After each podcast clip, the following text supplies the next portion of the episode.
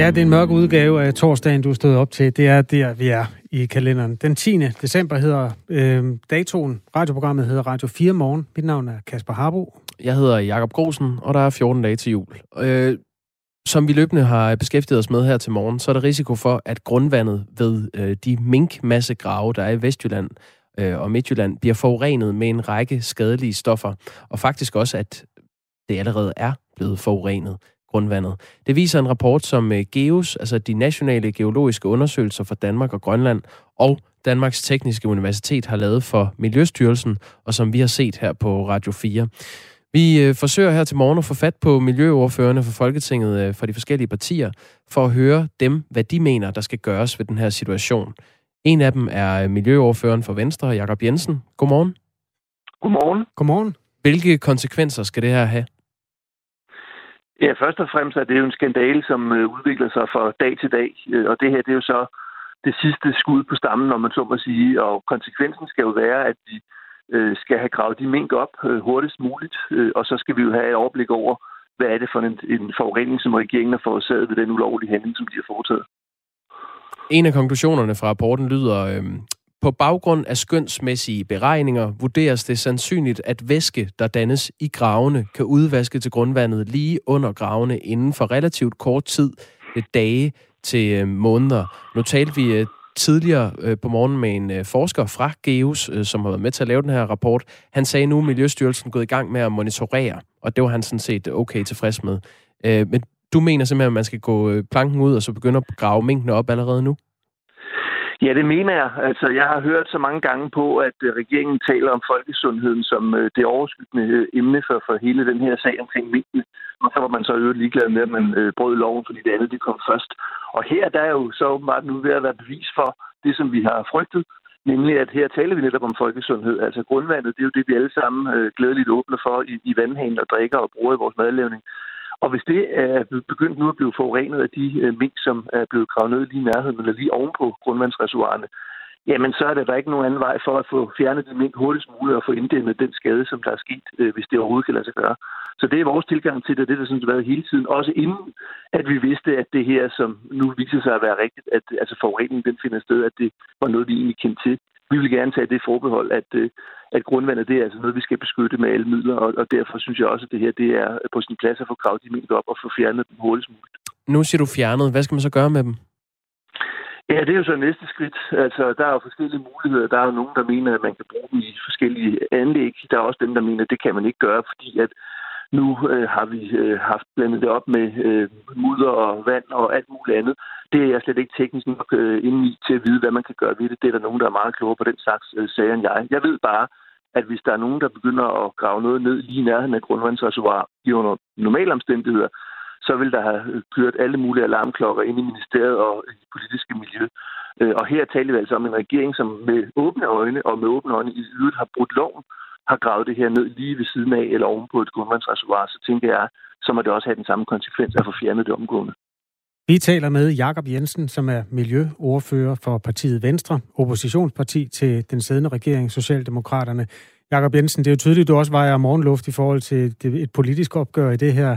Og øh, det er jo fair nok. At det, det, der er jo sket, er jo sket, fordi der var nogen, der fik rigtig travlt i en situation, man aldrig har stået i før.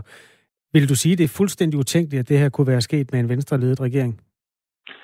Ja, ja, det vil jeg sige. Altså, det her det er fuldstændig uacceptabelt, at man går ind og bryder loven. Og uanset hvor travlt man har, og uanset hvor mange argumenter man har for folkesundhed, så er der altså ikke noget argument for, at man bryder loven med åbne øjne. Og det er det, man har gjort. Man har vidst, at det var ulovligt, det man gjorde. Man gjorde det alligevel. Og det er det, der er øh, skandalen her, at der så er alle de, kan man sige, en sideeffekter af, at vi nu også kan se, at man så også sviner grundvandet til. Men det er ifølge en folkesundhed øh, til, til følge. Det, det er jo bare, kan man sige, toppen af, af isbjerget. Øh, så, så vi er jo... En, Jamen lad os lige blive på den alligevel, fordi det, det er jo toppen af isbjerget, der er det nye i det. Altså, der er kommet et notat, der påviser, at der kan være sket en forurening her. Og lad os så tage den del af det. Hvis man nu havde stået som venstreledet regering med 17 millioner øh, kreaturer, der, der på en eller anden måde skulle skaffe sig vejen, ville det være fuldstændig utænkeligt, at I kunne have fundet på at grave dem ned? Ja, i den sammenhæng, at vi vil ikke bryde loven, og vi vil øvrigt også have undersøgt på forhånd, selvfølgelig, hvad er det for nogle konsekvenser, det vil have. Øh, og det er jo helt, helt vanvittigt at forestille sig, at man øh, har så travlt, Øh, noget, som man jo der vidste, altså den muterede øh, corona, altså kloster 5-varianten, som man har talt så meget om, det havde man vidst i flere måneder på det tidspunkt, hvor man begyndte at slå de her mink ned, og efterfølgende skulle grave dem ned.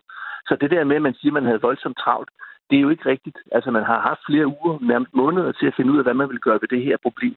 Øh, og så pludselig hen over en weekend, uden at man i øvrigt har sikret sig, at lovhjemmen den er på plads, så går man i gang med det her. Det, det øh, mener jeg, det vil, det vil ikke have fundet sted under vores regering.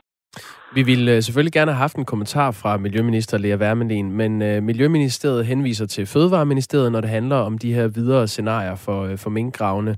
Og Fødevareministeriet henviser så omvendt tilbage til Miljøstyrelsen, og har derudover ingen kommentar, og Miljøstyrelsen ønsker ikke at stille op til et interview.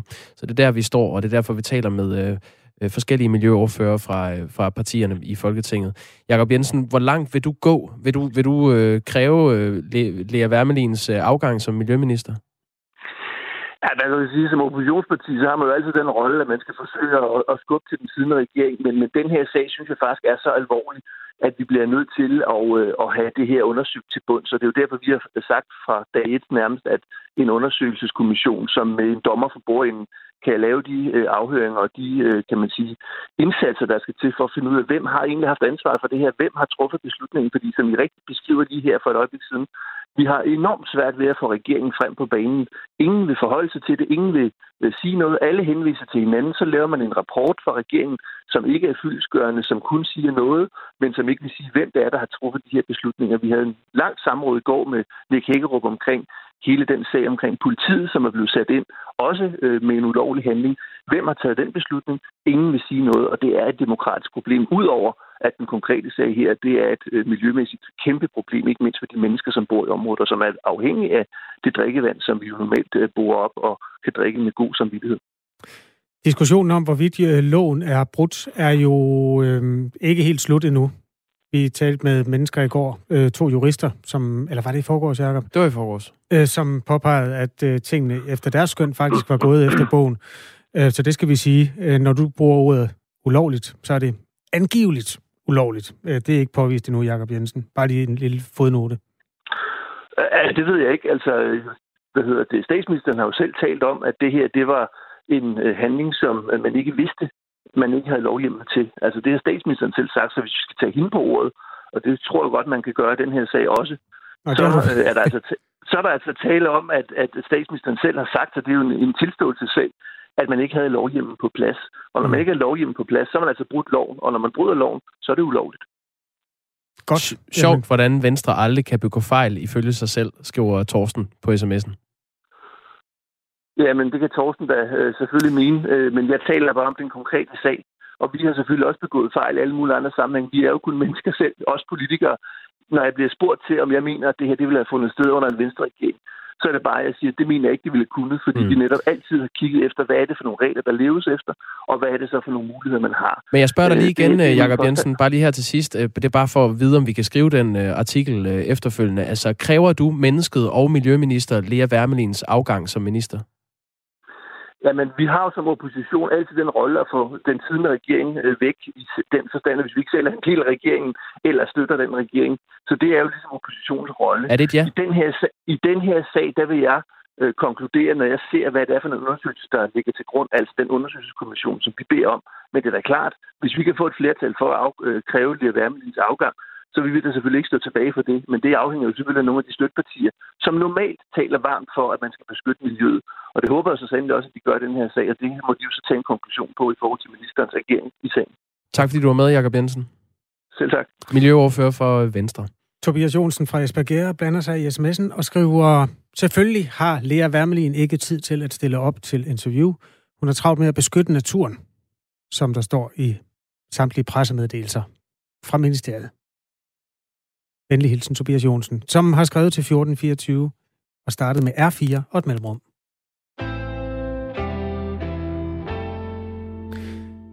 Jeg tror simpelthen, vi skal i rummet nu. Det ligner, den lander! Det ligner, den lander! Nej, nej, nej, nej, nej, nej. Nej, det gør den ikke. Den smadrer ned. Bum! Stor eksplosion! Kæmpe eksplosion!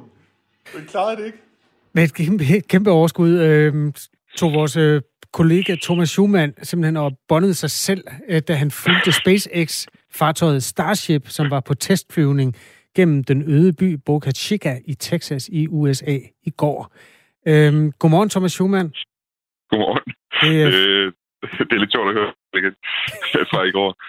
Jamen, øh, det er jo et kæmpe overskud, og det er jo selvfølgelig også, fordi du er vært på Radio 4's rumprogram, Den Nye Rumalder, at du følger de her ting. Hvorfor er det så vildt, at et rumfartøj eksploderer i landingen?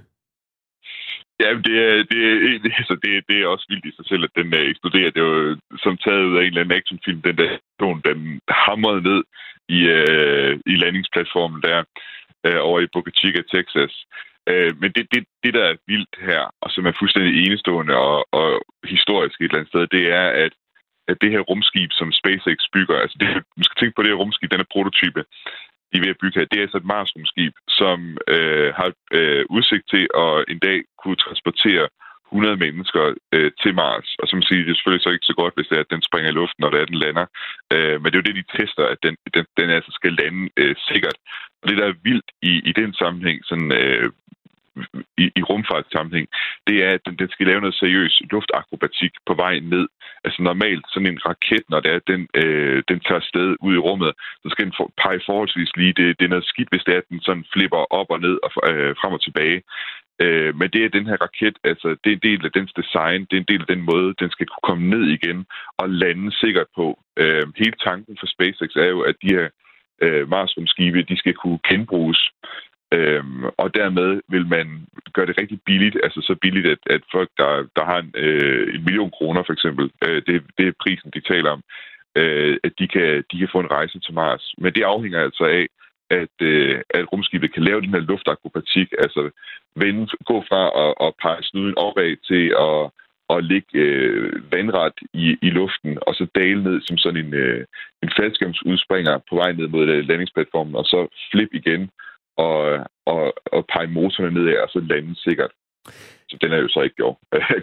Det, var, det var også den første test. Ja, ja, det er klart. SpaceX-selskabet, det er jo ejet af Elon Musk. Det er øhm, øh, den nye øh, herre i rummet, øh, kan man sige. Men øh, Tesla-milliardæren, som efterfølgende har skrevet på Twitter, at den her testflyvning gav SpaceX al den data, der var brug for. Og han havde i øvrigt også øh, advaret længe inden den her test om, at der sandsynligvis ville ske en eller anden form for uheld. Det selvstyrende rumfartøj skulle under testflyvningen blandt andet nå en højde på 12,5 km. Det blev drevet af nogle nye motorer, der bruger flydende ilt og metan som drivmiddel. Øhm, hvad er det, der er perspektiverne i de her testflyvninger? Hvad er det, det helst skal måne ud i, Thomas Schumann? Jamen, øh, det skal jo netop munde ud i, at, at vi får et uh, fuldstændig genbrugeligt uh, system. Altså, det er sådan med, uh, med rumfarten lige nu og raketter, at, uh, at det, de fleste raketter, det er sådan en engangsfornøjelse. Det svarer lidt til, hvis man uh, med, med flyvning, med kommersielle flyvninger, uh, efter man har, man har fløjet for eksempel en tur ned til, til de kanariske øer, altså, så, så, så smider du flyveren ud lige bagefter. Det vil gøre det fuldstændig umuligt for folk at have råd til at flyve nogle steder, hvis det var, at flyvemaskiner de var engangs. Øh, det, det hele den, hele den øh, del, altså, det virker jo kun fordi, vi kan fylde noget brændstof på, hvor jeg flyver, og så tager den afsted igen, ellers så vil det være alt for dyrt. Mm. Og det er det samme, som, som SpaceX forsøger at gøre her med rumfarten nu. Øh, altså det er at gøre øh, rumfartøjerne genbrugelige, sådan at det kun er brændstoffet, du, øh, du betaler for, som er relativt billigt i forhold til, hvis du skulle øh, bygge et, et nyt rumskib i, igen og igen. Så det er perspektivet, det er simpelthen at åbne døren til rummet for mange flere aktiviteter for mange flere mennesker. Øh, og for, for SpaceX i hvert fald, den her tanke om at kolonisere Mars, altså bygge en, en by på Mars, som øh, skal kunne være øh, bæredygtig, altså skal kunne klare sig selv uafhængig af, af hvad der sker nede på jorden. Tak for den opsamling, Thomas Schumann. Jamen så det. Det er om mandagen, at øh, vi sender den nye rumalder, og alle programmerne de ligger jo så også som podcast, enten det sted, hvor du henter den slags, eller i den app, der hedder Radio 4. En lille kort øh, nyhed, et lille øh, dansk telegram kommer her. Øh, det er jo tidligere blevet meldt ud, at de tre tidligere præsidenter, Bill Clinton, George W. Bush, Barack Obama, vil lade sig øh, vaccinere for rullende kameraer for at afdramatisere vaccinen i USA. Mm. Og det, øh, det er også noget, vi har fået nogle opfordringer på fra, fra lyttere, sådan sporadisk, øh, her på morgenen, at øh, de gerne ser, at i hvert fald politikerne her til lands øh, stiller sig op på et pressemøde og tager sprøjten, inden man sådan som almindelig dansker skal tage den. Ja. Vi, vi er sågar også blevet opfordret til at, at tage den. Jeg tager den meget gerne, hvis jeg kan få lov at komme frem i køen. Ja. Jamen, goddag, Søren Brostrøm. Det siger han nemlig også. Han er nemlig ude nu, øh, direktør for Sundhedsstyrelsen, og siger, det vil han også gerne gøre. Altså, alt hvad der fremmer sagen, det gør jeg, siger han til, øh, til Ekstrabladet. Så han afviser ikke, at han vil gøre noget lignende. Han er dog ikke så sikker på, at det skal foregå på, øh, på tv for rullende kamera. Han siger, at det, det lyder så voldsomt, men øh, man må da gerne tage et billede, når jeg bliver vaccineret.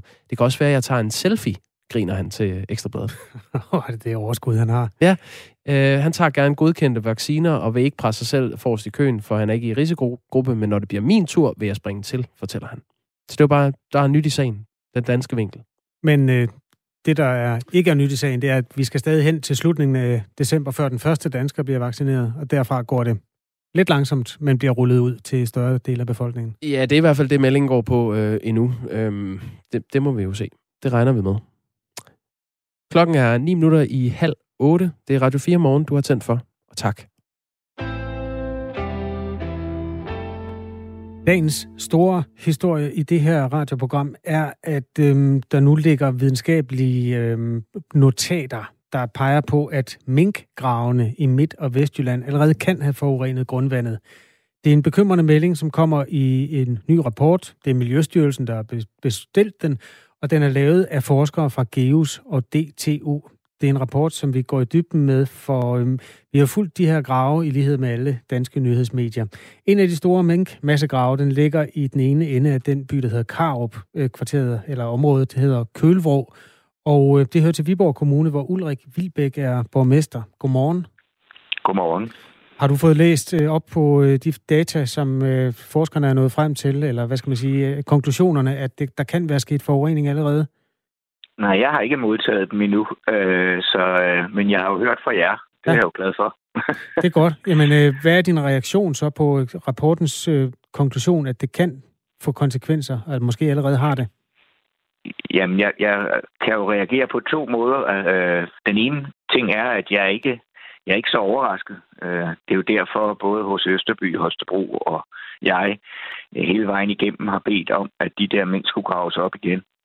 Øh, og, og den anden ting er, at den rapports øh, validitet gør jo så, at, at nu skal de så graves op. Altså, nu, nu, nu, altså det skal jo hellere være i går end i morgen. Øh, fordi lige præcis det, at grundvandet kan, øh, kan ødelægges. Ikke? det, det går simpelthen ikke. Så, så der er ikke nogen som helst øh, belæg for nu ikke at grave de her mængder op igen. Vi taler med Ulrik Vilbæk, der er borgmester i Viborg Kommune, og han refererer til øh, H.C. Østerby, som er øh, socialdemokrat i, og øh, borgmester i Holstebro Kommune. Ulrik Vilbæk er venstremand, bare lige for at deklarere det hele. Og øh, forskere fra GEUS og DTU har vurderet risikoen for forurening af grundvandet øh, ved og under de her minkgrave som man jo øh, begyndte på for godt en måned siden. Og 14 dage efter, at nedgravningen var begyndt, der bestilte Miljøstyrelsen en rapport. Det er den, der er færdig nu, og det er den, vi har set. Forskerne har oplistet næsten 50 forskellige skadelige stoffer, der potentielt kan sive ned i grundvandet fra minkgravene. Blandt dem er ammonium blue, og så har man også undersøgt, om coronavirus kunne sive ned af den vej. På baggrund af undersøgelserne har forskerne lavet nogle konkrete anbefalinger til myndighederne, blandt andet, at de skal undersøges med det samme, og så skal de overdækkes for at beskytte mod regn. Er det en mulighed, Ulrik Vilbæk, at man kan tage ud og overdække de områder? Ja, det er det sandsynligvis, men øh, jeg synes jo bare, at mængden skal graves op, fordi det er vel kun, øh, altså, det er vel kun en stakket frist. Øh, jeg kan overdække de der områder resten af, historien øh, frem med 100 år frem. Så, så øh, vi må have de minkgravet op. Der er simpelthen ikke andet at gøre. Øhm, er du blevet kontaktet eller har fået information om en eventuel beslutning om at overdække gravene? Nej, det er jeg ikke. Hvad har du egentlig fået at vide om de ting, der udspiller sig i grundvandet i din kommune sådan undervejs? Hvordan har dialogen med Fødevarestyrelsen eller Miljøstyrelsen været omkring det her? Øh, den har været øh, stort set ikke eksisterende, i hvert fald i de første to-tre uger. Øh, sidenhen øh, er jeg så blevet kontaktet af Fødevareministeren og af Miljøministeren, og derfra er vi så øh, i øh, vores forvaltning har, har, har man sådan haft en fin dialog efterfølgende. Altså, Men, men lige præcis den her undersøgelse er vi ikke blevet orienteret om. Øh, vi har fået øh, fem scenarier for, hvad man kunne gøre. Tre af dem, det er noget med opgravning, og et af dem er, at det bare skal blive, som det er. Øh, og et er øh, op, øh, nedgravning af et andet sted. Øh, så så øh, det er det, vi sådan har fået at vide øh, øh, skulle ske. Vi har ikke hørt om den her rapport endnu. Øh, det forventer jeg, at vi kommer til i dag. Vi har talt med din partifælle, Jakob Jensen, der er miljøoverfører for partiet Venstre i Folketinget, som jo vejer partimæssig morgen, morgenluft og er klar til et større opgør omkring det her i forhold til regeringens rolle. Hvordan er du indstillet i, altså er du også sådan i krigshumør, eller hvor, hvor står du henne i forhold til det, der foregår nu, Ulrik Vilbæk? Jamen, jeg har hele vejen igennem øh, efterlyst øh, to ting. Den ene ting, øh, det er orientering og dialog. Øh, og den anden ting er, at øh, minkene øh, bør graves op. Øh, og, øh, og det er det, det er det samme, jeg stadig gør. Jeg er sådan set ikke i krigshumør. Det er sjældent. Øh, jeg synes jo mere, det handler om at få løst den her problematik, som øh, ser ud til at kunne være ganske forfærdelig for vores øh, natur og for vores grundvand. Og det er det, som jeg har haft mistanke til fra starten af, hvor det klart blev afvist fra Miljøstyrelsen, at der overhovedet kunne være nogle problemer her. Så derfor så må jeg bare sige, at vi skal have gravet de mink op, og det kan ikke gå stærkt nok. Det sagde Ulrik Vilbæk, der er borgmester i Viborg Kommune. Tak fordi du var med. I måde.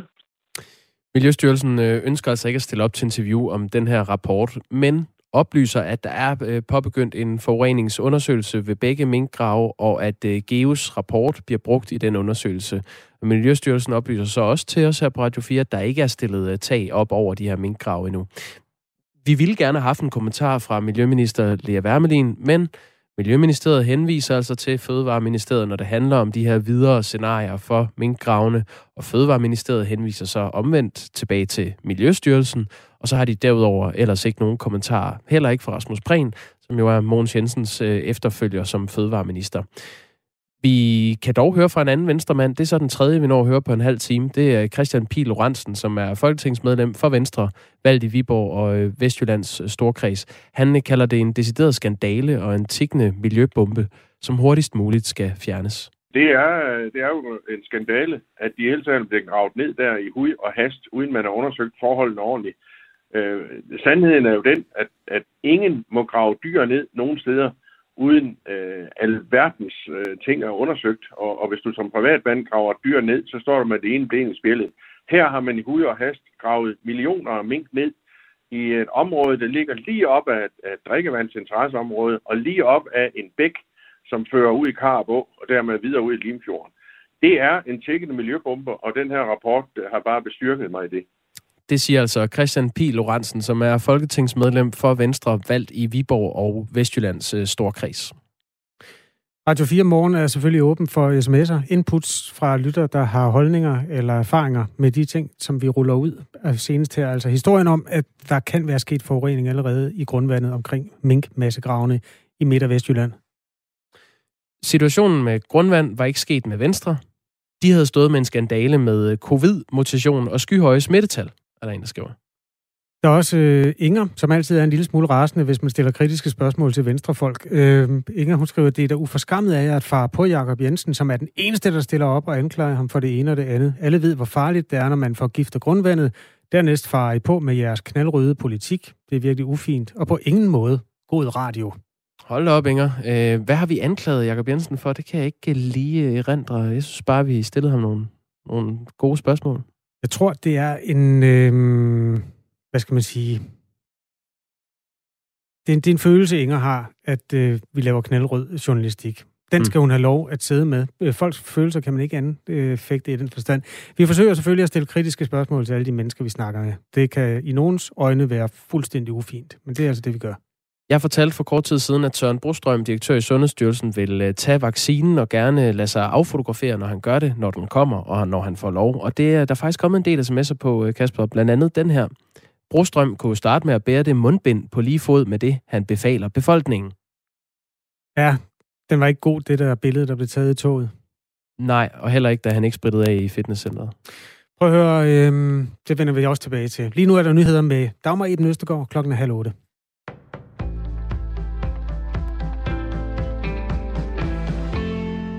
Minkgravene ved Kølvrå nær Karup i Viborg og Borgtrup ved Holstebro kan allerede have forurenet grundvandet.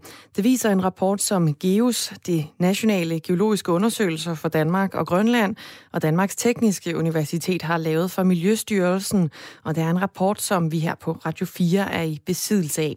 Ifølge statsgeolog og afdelingschef i GEUS, Claus Køller, der er en af forskerne bag rapporten, er risikoen for forurening overhængende den bekymring, den er, er, er, er lavet på en øh, antagelse, en meget grov antagelse om et worst case øh, scenario. I rapporten står der blandt andet, at det kan tage mellem dage eller måneder, før nedsivningen fra minkene går når grundvandsspejlet. Så ja, der kan være en risiko for, at, øh, at det allerøverste grundvand er, er forurenet af noget, der siver ud fra minkgravene. Men det kan også tage flere måneder, før det sker og mængdene de blev gravet ned for omkring en måned siden. Claus Køller siger, at der skal laves konkrete målinger ved og under minkgravene, før man med sikkerhed kan sige, om der siver forurenende stoffer ned i grundvandet. Og rapporten opfordrer myndighederne til straks at igangsætte de her målinger. Miljøstyrelsen ønsker ikke at stille op til interview om rapporten, men oplyser, at der er påbegyndt en forureningsundersøgelse ved begge minkgrave, og at Gives' rapport bliver brugt i den undersøgelse. Og så har det ikke været muligt at få en kommentar fra hverken Miljøminister Lea Wermelin eller Fødevareminister Rasmus Prehn. Fagforeninger meldinger om en markant stigning i henvendelser om stress og mistrivsel blandt hjemsendte medarbejdere. Fagforeningen DM, der tidligere hed Dansk Magisterforening, har de seneste fire måneder fået 53 procent flere henvendelser om stress fra deres medlemmer, medlemmer sammenlignet med samme periode sidste år, skriver politikken. Formand i DM, Camilla Gregersen, siger, at det for en del er blevet sværere at afgrænse arbejdstiden, fordi hjem og arbejde er samme sted. Vi holder heller ikke pauser, som vi gjorde før. Vi arbejder bare ude i et. Og den her høje effektivitet, den kan man holde op et stykke tid. Men når det er så lang tid som det her, som det forløb, vi ser nu, jamen så påvirker altså det både det, det psykiske arbejdsmiljø og jo faktisk også det fysiske. Tendensen til mistrivsel hos hjemsendte medlemmer genkender de også hos Ingeniørforeningen IDA, hos Djøf og hos HK Privat, skriver avisen. Det seneste døgn har mere end 3.000 coronapatienter mistet livet i USA, og det er det højeste antal daglige dødsfald siden april. Det viser tal fra Johns Hopkins Universitys løbende opgørelse. Det betyder, at knap 290.000 personer er døde med coronavirus i USA. Onsdag morgen dansk tid, der rundede USA 15 millioner smittetilfælde siden pandemiens begyndelse.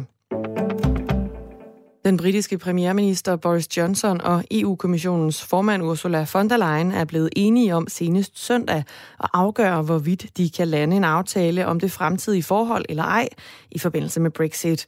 De kommende dage vil de derfor bruge på at se på, om de overhovedet kan finde en løsning på de udstående, der er en handelsaftale mellem de to parter. Johnson og von der Leyen de mødtes i aftes, men der er ifølge en unavngiven kilde fra den britiske stab endnu meget langt imellem dem, og det bekræfter kommissionsformanden i en separat erklæring. Britterne de bryder den 31. december de sidste bånd til EU, med mindre parterne i sidste øjeblik altså enes om en handelsaftale.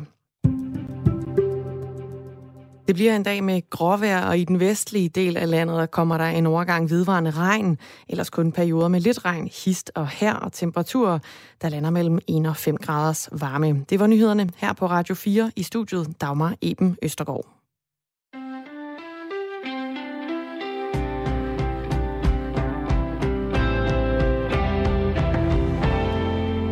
Du lytter til Radio 4 morgen med øh, Kasper Harbo og øh, Jakob Grosen. Og øh, nu skal det handle om Brexit-forhandlingerne. Det er jo længe siden, vi har hørt om dem. De står på mellem EU og britterne, og de er kørt så fast, at deres videre skæbne nu faktisk lægges i hænderne på de to øverste politiske ledere. I går tog Boris Johnson til Bruxelles for at mødes med Ursula von der Leyen i håb om, at de to frontfigurer fra henholdsvis Storbritannien og EU kan finde fælles fodslag. Det er et ret smukt billede, når de toner frem sammen med deres øh, mundbind på. Man ser en fix kvinde, der øh, ja, det meste af ansigtet skjult, og så ser man den her store mandsperson, der har et hår med en flæskesteg. Øh, og han er simpelthen det mest genkendelige menneske i, ja, jeg skulle lige til at sige i EU, men det er så uden for EU, Boris Johnson. De blev enige om på det her møde, og øh, senest at afgøre på søndag, hvorvidt de kan lande en aftale om det fremtidige forhold eller øh, ej. Godmorgen, Mads Anneberg. Godmorgen. Vært her på Radio 4's øh, EU-program øh, Lobbyland. Og du kan jo godt lide det lige på hårdt, så lad mig bare spørge dig. Hvad, hvad kom der ud af mødet mellem Boris Johnson og Ursula von der Leyen i går?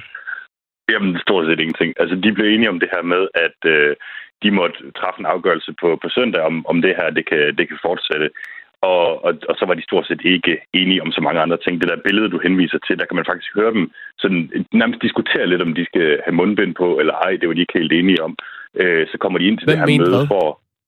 Jamen, øh, Boris kommer ind og, og, og spørger sådan, du vil keep a mask on, Ursula. Og, og hun er sådan, ja, jamen, vi kan lige tage dem med ganske kort og sådan noget, så tager den lige på igen, Boris, så kan vi komme videre og sådan noget, ikke? Øhm, og, og, de kommer så ind til den her øh, aftensmad, hvor, hvor de får serveret meget øh, symbolsk øh, pikfar, altså fordi en af de store knaster i forhandlingerne, det er jo, det er jo fisk og fiskeri. Øh, af en eller anden grund, så får de kartoffelmos med, med wasabi til. Det kan jeg ikke helt stå inden for, øh, det valg. Klamt.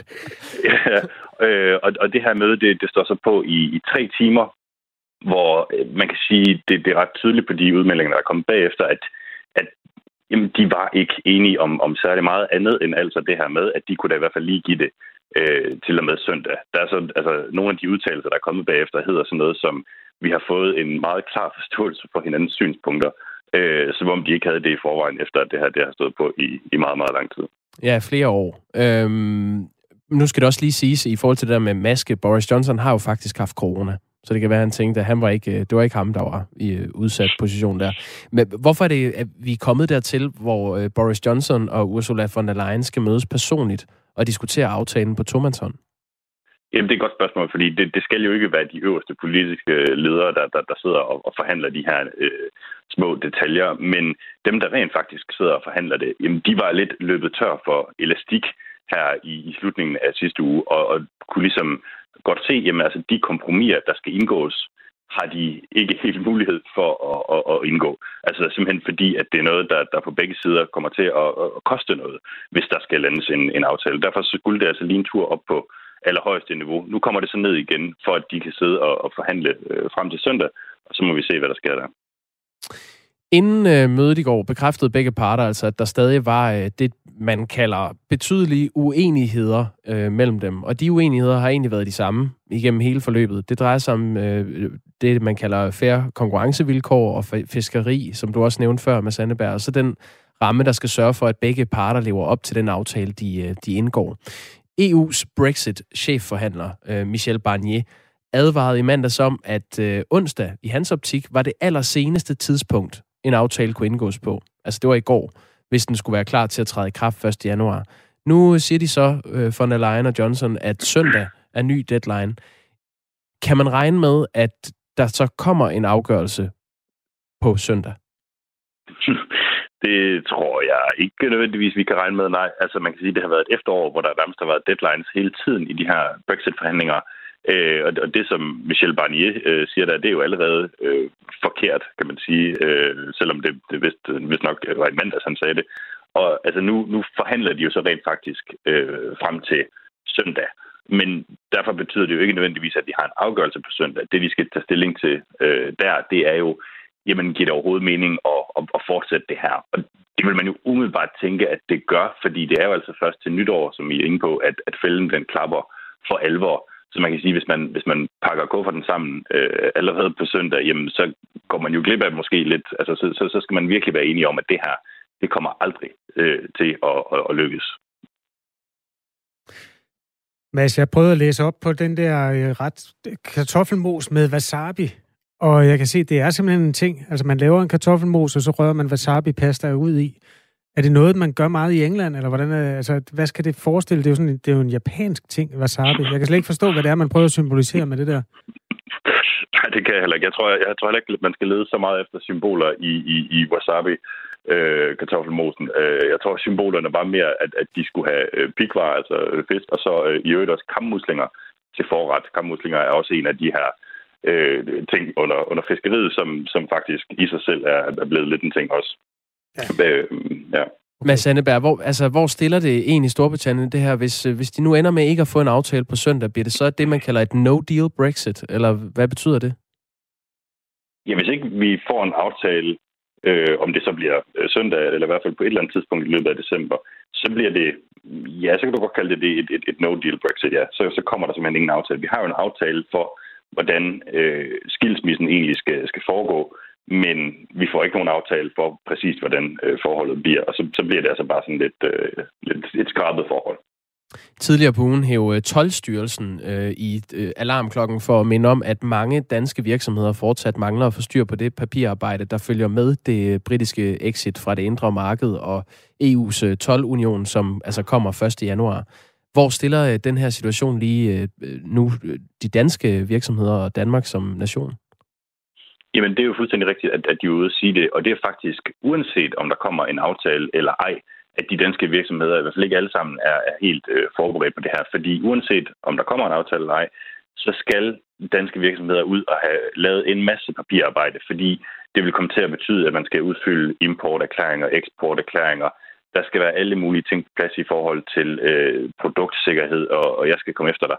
Øh, og, og de her ting kommer ligesom til at blive tjekket ved grænsen igen, uanset om der kommer en aftale eller ej. Så man kan sige, på alle mulige måder, uanset hvad der sker, så bliver det her øh, et, et bøvl for, for, for Danmark, for danske virksomheder.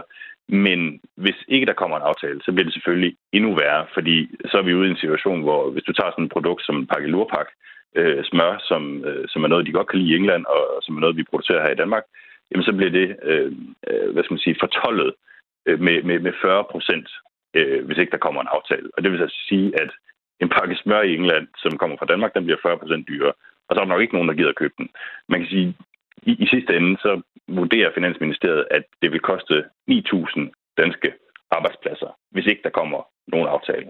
Så en aftale kan altså komme ind og råde både på nogle af de problemer, der, der vil opstå. De har altså nogle øh, betydelige uenigheder og forløst øh, gerne på søndag. Øh, altså øh, Europakommissionens øh, formand Ursula von der Leyen og Storbritanniens premierminister øh, Boris Johnson. Mads Anneberg, vært på Radio 4's EU-program Lobbyland. Tak fordi du lige var med her. Selv tak. 18 minutter i 8 er klokken. Det er den 10. december i Danmark.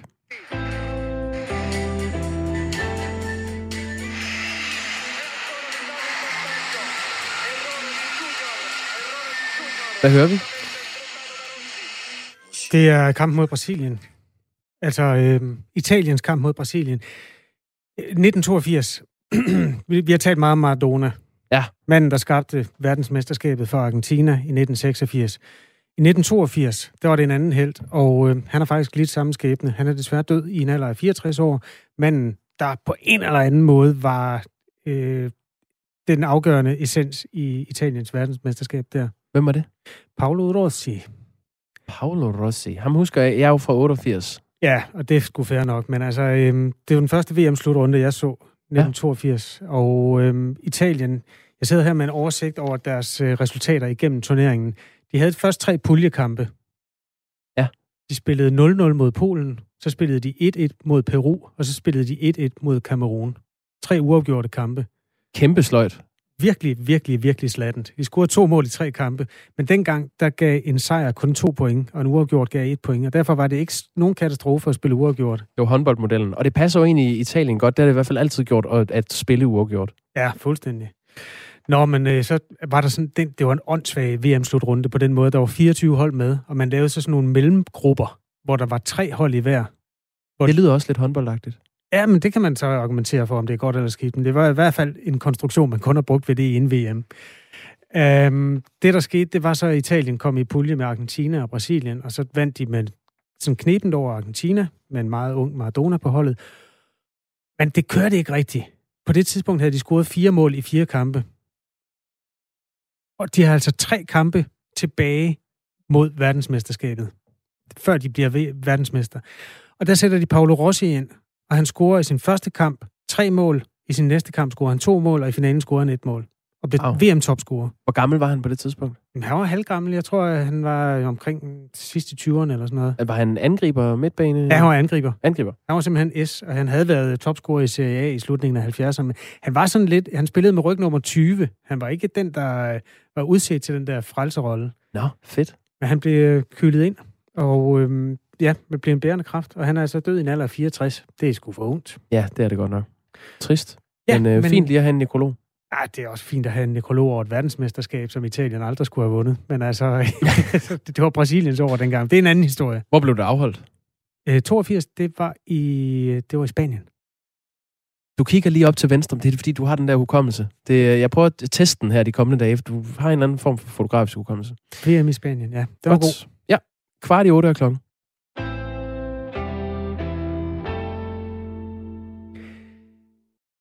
Dagens store historie er grundvandet, som man frygter for ved misse, mink massegravene, som øh, blandt andet er i Kølvrå nær Karup i Midtjylland, og så i Bogtrup ved Holstebro i Vestjylland.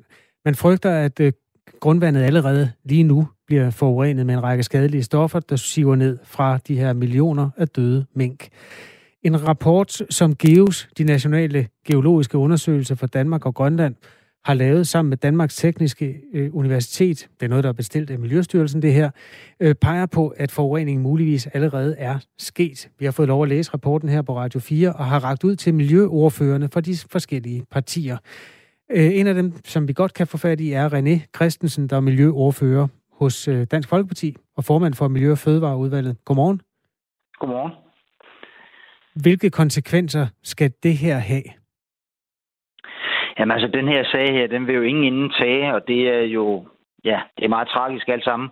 Men altså, der er jo ingen tvivl om, når man begraver så mange dyr i så dybe grave, som man har gjort her, så mange tons, jamen så bliver der selvfølgelig en påvirkning. Øh, og ministeren har jo tidligere sagt til os, at det havde ikke nogen påvirkning på drikkevandet.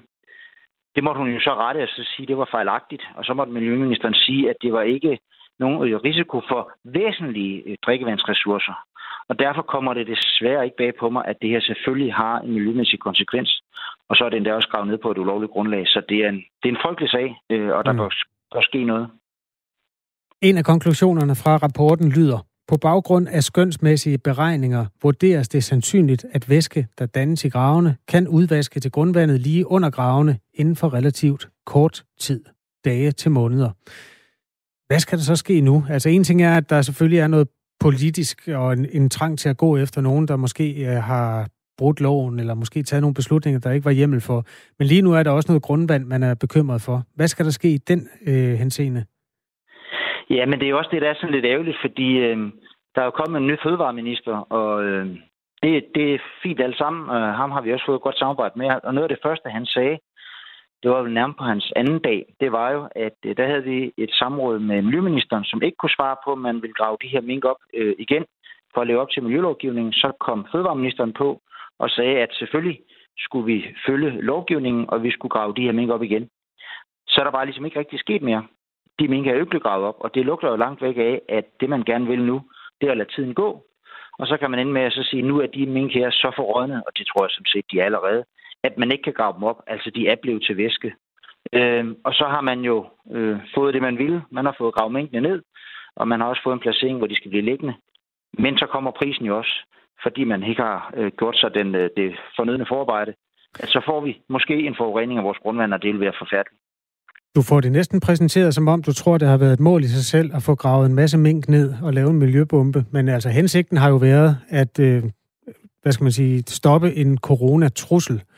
Hvor meget fylder det i din bedømmelse af sagen, at den er taget for at forsøge at dæmme op for øh, et smitteudbrud?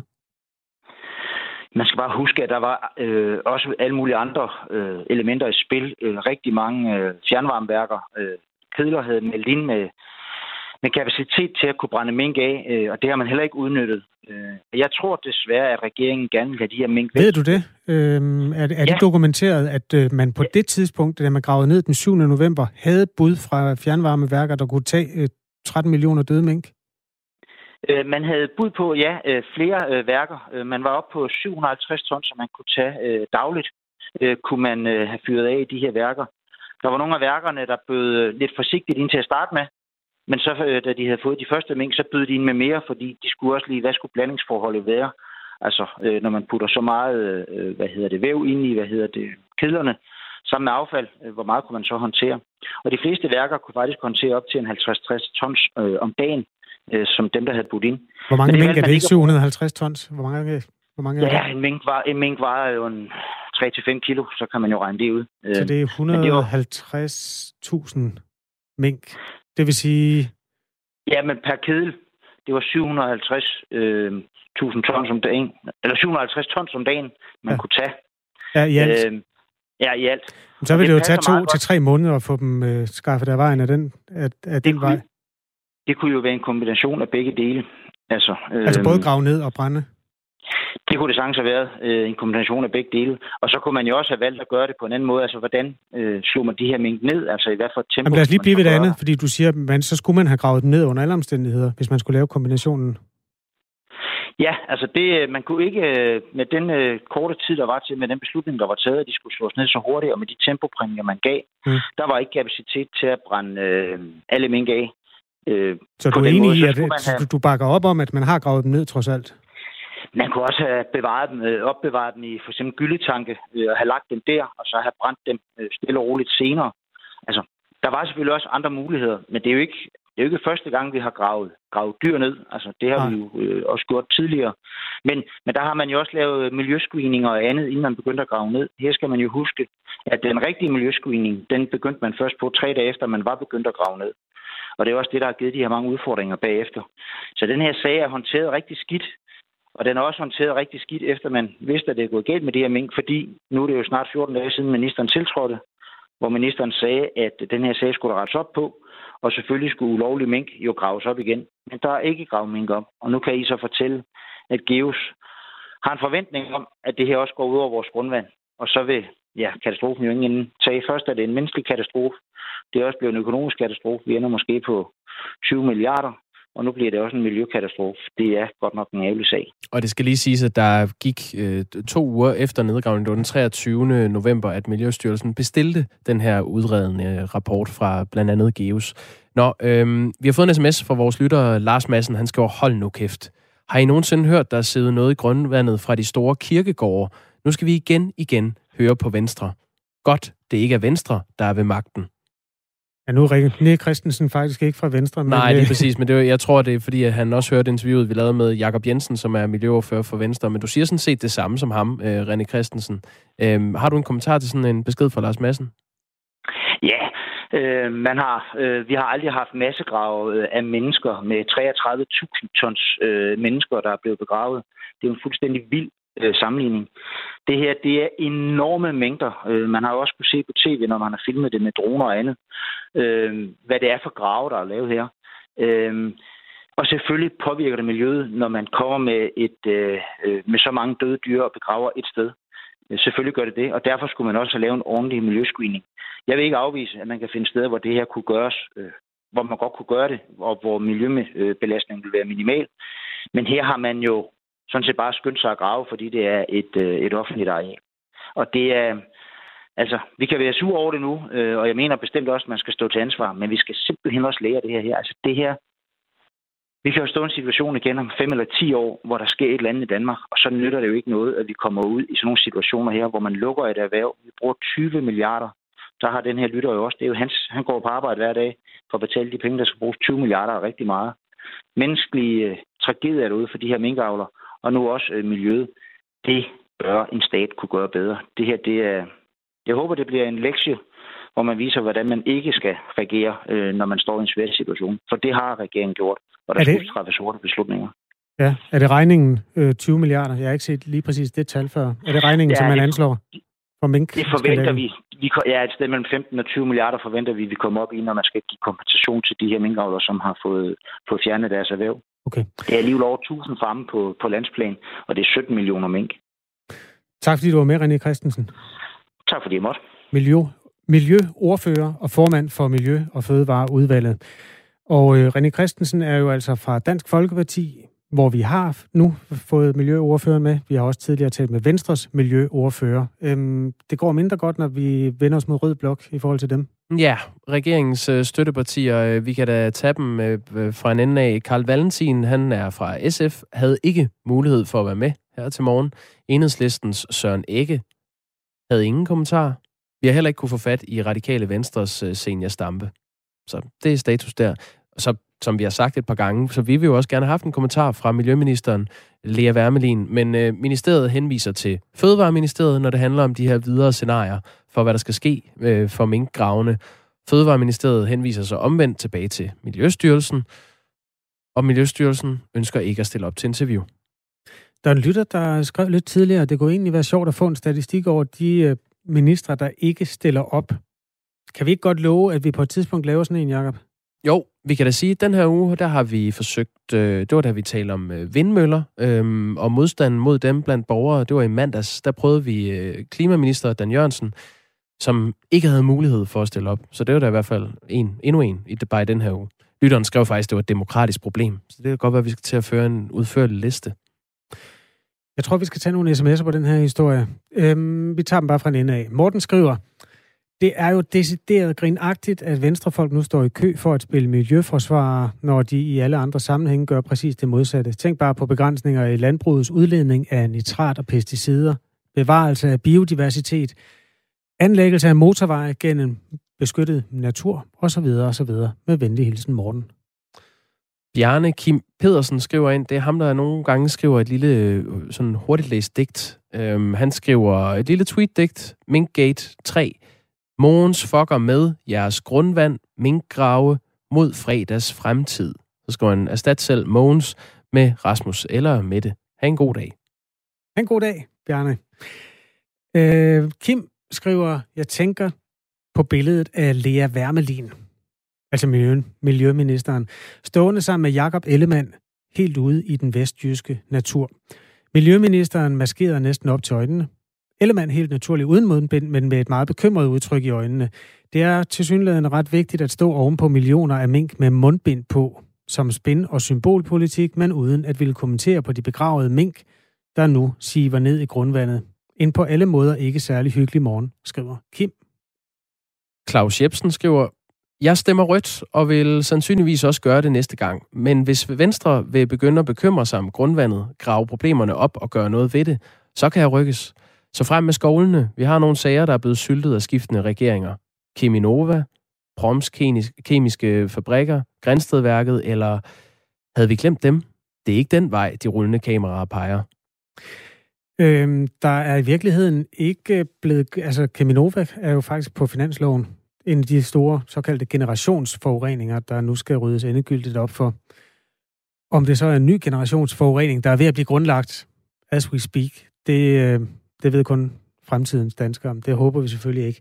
Jensen skriver, Godmorgen. Sjovt at høre Venstre gå i krig for grundvandet, set i lyset af deres holdning til bøndernes ret til brug af gift i landbruget. Jeg tror, det var, hvad der var af sms'er, vi lige skulle have læst op øh, lige nu. Ken Fischer er der også. Han skriver lige, hvad, hvad gjorde man med køerne under kogalskab? Mm. Har du svar på det? Jamen, at man har i hvert fald mange steder gravet øh, masser af køer ned, blandt andet i Storbritannien. Og det er jo de data, man også har brugt, de forskere fra GEUS og DTU, der har siddet og kommet med en konklusion, eller i hvert fald et notat og en rapport til Fødevarestyrelsen på baggrund af de her mink. Hvad har man haft at sammenligne med? Der har man blandt andet kigget på nedgravninger i øhm, Storbritannien af køer under kogalskabet i 90'erne, og også nogle kreaturer, der blev gravet ned. Jeg tror, det var Sydkorea. Så det er, ja, det, det er blevet gjort før. Og, og der har altså også været nedsivninger. Det er det, man konkluderer. På den anden side af nyhederne, som øh, indfinder sig her klokken 8 med Dagmar Eben Østergaard, der øh, skal vi øh, se lidt nærmere på hovedstadskommunerne. Under nedlukningen af de syv nordjyske kommuner i november, som fulgte af smitteudbruddet i regionens minkbesætninger, fik de nordjyske erhverv hjælp.